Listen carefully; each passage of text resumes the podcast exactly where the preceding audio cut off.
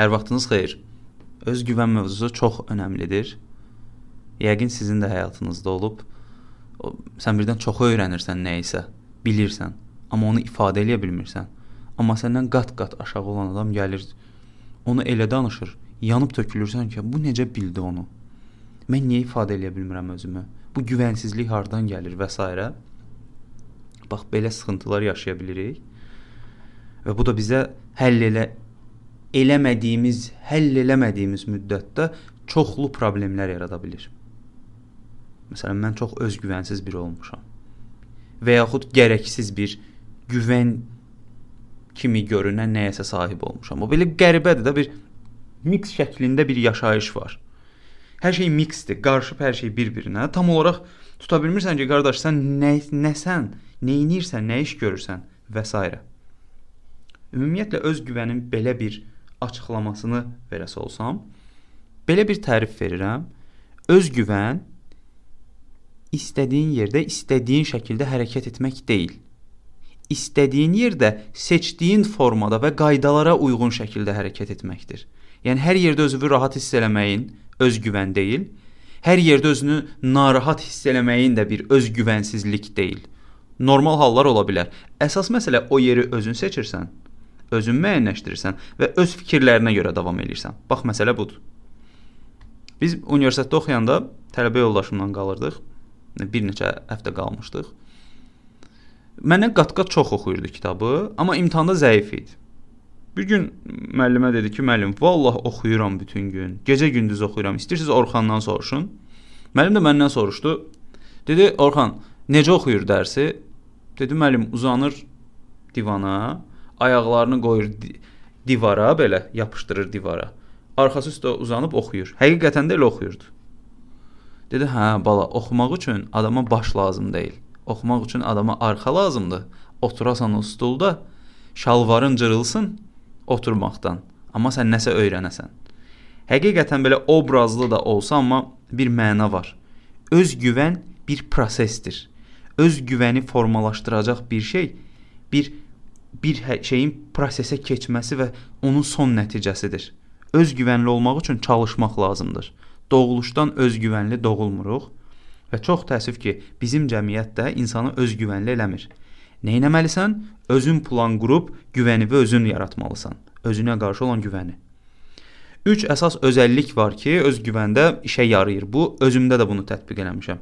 Bilmirəm səsindən hiss edirsiniz yoxsa yox. Danışanda belə bunu həyəcanla, belə hikkə ilə, belə ürəklə danışıram ki, bu məndə də yaşanıb bu sıxıntı. Bunları aradan qaldırmışam deyə. İstəyirəm bu heç kimdə olmasın bu şey. Hamı güvənli olsun. Çünki öz güvən həqiqətən də önəmli bir detaldır. Öz güvənli olan insan paxılı olmur. Öz güvənli olan insan kimisə ayağından dartmır. Öz güvənli olan insan həyatı necə yaşamalı olduğunu özü daha yaxşı müəyyən edə bilər. Bu baxımdan bu podkast mənim üçün çox önəmlidir. Birinci ən sadə detal güvən məsələ, ə, üzr istəyirəm, bilik məsələsidir. Çox sadədir, biliklənmək. Maariflənmə, biliklənmək, çoxlu məlumatları mənimsəmək insanın güvəninə əməlli başlı təsir göstərir. Bilik insanın həyatda lazım olan o vasitələri tapmasına daha tez kömək olur. Bu həqiqətən belədir. Bilmək önəmlidir. Güvənin əsas hissəsini formalaşdıran bilikdir. Kişi və qadın münasibətinə fikir versəz, belə bir məsələ olur. Əvvəlcədən bir-birinə güvənmirlər ki, bir-birlərini tanıdıqlarını düşündükləri zamandan başlayaraq yavaş-yavaş güvənmə prosesi olur. Bax o güvənmə prosesinin yaradılması üçün bir-birinin haqqında məlumatın olması önəmlidir. Məlumat da mənimsənilləndən sonra biliyə çevrilir. Ona görə nə edirsiniz eləyin, biliklənin. İnternetdən, kitabdan, səsli formada, podkastlardan, YouTube-dan, hardan ürəyiniz istəyir, olsun. Biliklənmək önəmlidir. Güvən yaratmaq istəyirsənsə, biliklənəcəksən. Bu 1. İkincisi bacarıqlardır. Bilik nəzəri formadır. Hər hansı bir şey etməyə bizə imkan verir. Bacarıqlar isə bu şeyin praktiki formada həyata keçirilməsidir. Yəni əgər sən insanlarla ünsiyyətdən çəkinirsən və insan insanlarla ünsiyyətdən çəkindiyin halda mən niyə danışa bilmirəm deyirsənsə, bu tamamilə normaldır. Çünki sən insanlarla ünsiyyətə daxil olmalısan, danışmalısan ki, sənin kommunikasiyan artsın. Çünki öz güvənin əsasını ünsiyyət təşkil eləyir. Çoxlu ünsiyyət qurmalısan ki, o səndə olan o güvən prosesləri inşa edilməyə başlasın və bu sənə təsir göstərsin. Bacarıq məsələsi çox vacib bir məsələdir. Ətrafınızda qat-qat bilikcə aşağı olan biri gəlib səni keçir və sən yanıb tökülə-tökülə qalırsan. Bunu eləməmək üçün sən bacarığı formalaşdırmalısan. Nəzəriyyəni çevirməlisən bu bacarığa və danışmalısan. Özünü ifadə eləməlisən, formalaşdırmalısan və bu bitməməlidir. Bu davam edici bir proses halına keçməlidir. Bu ikincisi idi. Üçüncüsü isə vərdişdir. Bizim mahiyyətimiz təkrar-təkrar etdiyimiz hərəkətlərdədir. Mükəmməllik hərəkət deyil, vərdişdir. Biz vərdişlərimizin nəticəsi olaraq ortaya çıxırıq. Həmişə deyirəm, insan öz düşüncəsinin son nəticəsidir. Bax, vərdiş də düşüncədən başlayır, sonra yansıyır bu davranışa və davamlı olaraq belə getdiyi halda ortaya vərdişlərimiz çıxır. Bunu qəbul etmək lazımdır. Vərdişlərimiz bizi formalaşdırır. Bu gün güvənsiz olmağının səbəbi güvənsiz şəkildə olan vərdişlərə sahib olmağındır. Bax bunları bu rutini dağıtmaq lazımdır ki, o güvən məsələsi ortaya çıxsın. Ona görə də ən gözəl şey otururuq özümüzlə ünsiyyət qururuq. Mən nəyi bilirəm, bacarıqlarım nələrdir və nələr vərdişlərim var.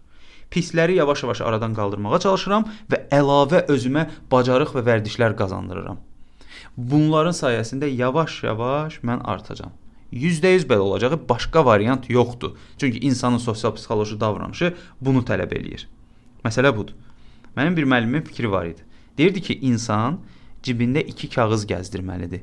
Birində mən toz zərrəciyindən başqa bir şey deyiləm yazılmalıdır. Digərində isə bu dünya mənim üçün yaradılıb olmalıdır. Dedi müəllim, bəs fərq nədir bu ikisinin arasında? Dedi bax burada hansı kağızı hansı zamanda çıxarmalısan, bax bu sənin öz güvənindən asılıdır.